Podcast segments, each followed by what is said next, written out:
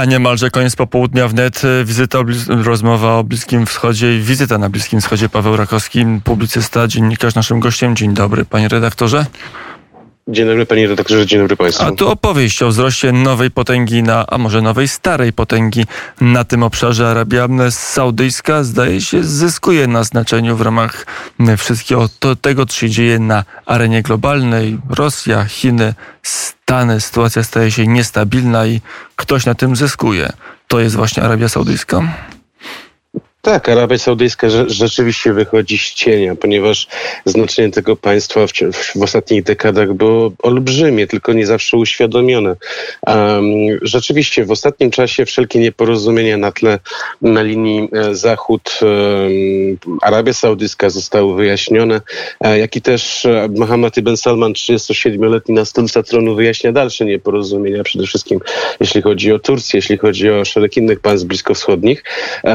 No, znaczenie tego kraju jest e, coraz większe, mianowicie ambicje, jak i też możliwości tego do tej pory w sumie zamkniętego i, o, i tajemnego e, państwa były, e, są, są, są tak właściwie ogromne. Tutaj widzimy, że coraz śmielej konstruuje się wizja, która to będzie dotyczyła całego Bliskiego Wschodu, mianowicie sojusz takich państw jak Egipt, jak Jordania, jak Emiraty Arabskie, Arabia Saudyjska oraz Cypr i Grecja e, mogą naprawdę przynieść bardzo dużo korzystnego, szczególnie dla Europy, ponieważ jest to e, pewnego rodzaju projekt, który ma na celu doprowadzenie i połączenie Europy z Zatoką Perską i Bliskim Wschodem i tymi surowcami. Oczywiście jest kilka punktów spornych, które to się co, co, jakiś czas pojawiają. Niemniej e, widzimy, że młody następca tronu no, stara się je w jakiś tam sposób przeskakiwać, czy to, czy to w formie subtelnej dyplomacji, czy brutalnej siły. No, takie są fakty.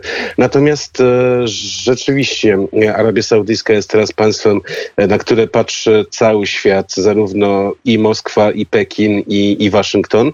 No i też oczywiście Paryż, ale też z wielką nadzieją patrzą na Saudów Ateny.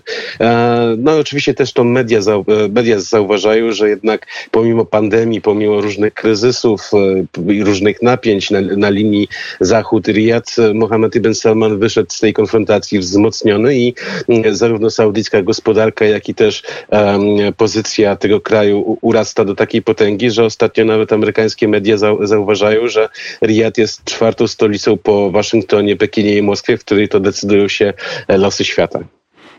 I pytanie, którą stronę zajmie, zajmie Arabia Saudyjska. To jest tak, że odbudował się sojusz między Stanami a Arabią Saudyjską. Można powiedzieć, że Saudowie są jakimś takim, no, taką siłą stabilności na Bliskim Wschodzie wobec tego, co robi Turcja trochę, wobec tego, co robi Teheran, że mamy oparcie w państwie, które jest w miarę przewidywalne. To znaczy tak, no póki będzie oczywiście rządy jednego człowieka i to tego człowieka, to możemy być e, czegoś pewni. To jest, to, to, to, jest, to jest sprawa zasadnicza, jeśli chodzi o politykę bliskowschodnią, jak i też w ogóle e, sprawy globalne. Widzimy chociażby, że e, w Turcji, w Ankarze prezydent Erdogan co, co rusz to zmienia różne koncepcje i to jest, i to jest moim zdaniem szkodliwe. Natomiast tak, no w ostatnim czasie doszło do wielkich manewrów armii saudyjskiej i amerykańskiej, zarówno na, na, na morzach, lądzie i, i, i w powietrzu. Teraz są kolejne manewry prowadzone przy tak jakby współpracy z Amerykanami pomiędzy mm, Emiratami Arabskimi, Egiptem, e, Cyprem, e, Grecją i Arabią Saudyjską. To jest naprawdę bardzo ważne, jeśli chodzi o um, kwestie, kwestie zasadnicze, mianowicie Arabia Saudyjska, no tak jakby przez ostatnie półtorej roku no, była, miała pewne problemy z administracją w Waszyngtonie, natomiast te problemy okazują się już chyba rozwiązane, ponieważ współpraca wojskowa wróciła, a to jest zasadnicza sprawa, ponieważ e, Azja jest największą największym klientem, jeśli chodzi o surowce, nie tylko z e, Arabii Saudyjskiej, ale też z całej Zatoki Perskiej. Ponad 80% surowców płynie e, w kierunku wschodnim. Natomiast e, jeśli chodzi o sprawy podstawowe, czyli bezstrzeżenie bezpieczeństwa, jak i też jakiś polityczny kurs, to, to jednak Zatoka Perska pozostaje w amerykańskiej strefie wpływów i to jest niezmienne. Chociaż oczywiście ta zależność będzie coraz mniej e, widowiskowa, czy też, czy też będzie pełna symboliki e, takiej, że, że, że akurat te państwa będą orientowały się czasami na inne, inne przestrzenie. Jest to sprawa całkowicie nieunikniona, chociażby z tego względu, że tak jak już powiedziałem, e, tutaj jest najlepszym klientem są Chiny i one będą najlepszym klientem, tak więc jeżeli przyjedzie prezydent Xi e, do Riyadu, to zostanie powitany z najwyższymi honorami i ceremoniami, e, których brakowało w trakcie wizyty Bidena. Natomiast e, sprawa zasadnicza jest taka, że to Amerykanie są tą siłą podstawową, jeśli chodzi o istnienie porządku wewnętrznego i zewnętrznego tych, tych państw. No i to też amerykańska technologia napędza te wszystkie reformy, które, które się odbywają, czy to w Kuwejcie, czy, czy w Arabii Saudyjskiej. I te tak właściwie reformy, te wielkie projekty budowlane, e, które mają powstać, miasto Neom, Kadia i tak dalej, i tak dalej, no to jednak jest najlepszym e, tak jakby gwarantem, że skoro Saudowie zaczynają wydawać potężne pieniądze, to raczej nie przewidują tego, że jakaś wielka wojna na Bliskim Wschodzie um, nastanie przynajmniej z ich udziałem, a wiadomo o tym, że nie może się odbyć żadna wielka wojna na Bliskim Wschodzie bez udziału Arabii Saudyjskiej, z tego względu, że każdym celem potencjalnej wielkiej wojny to jest Iran, no i tutaj to są naczynia ze sobą powiązane.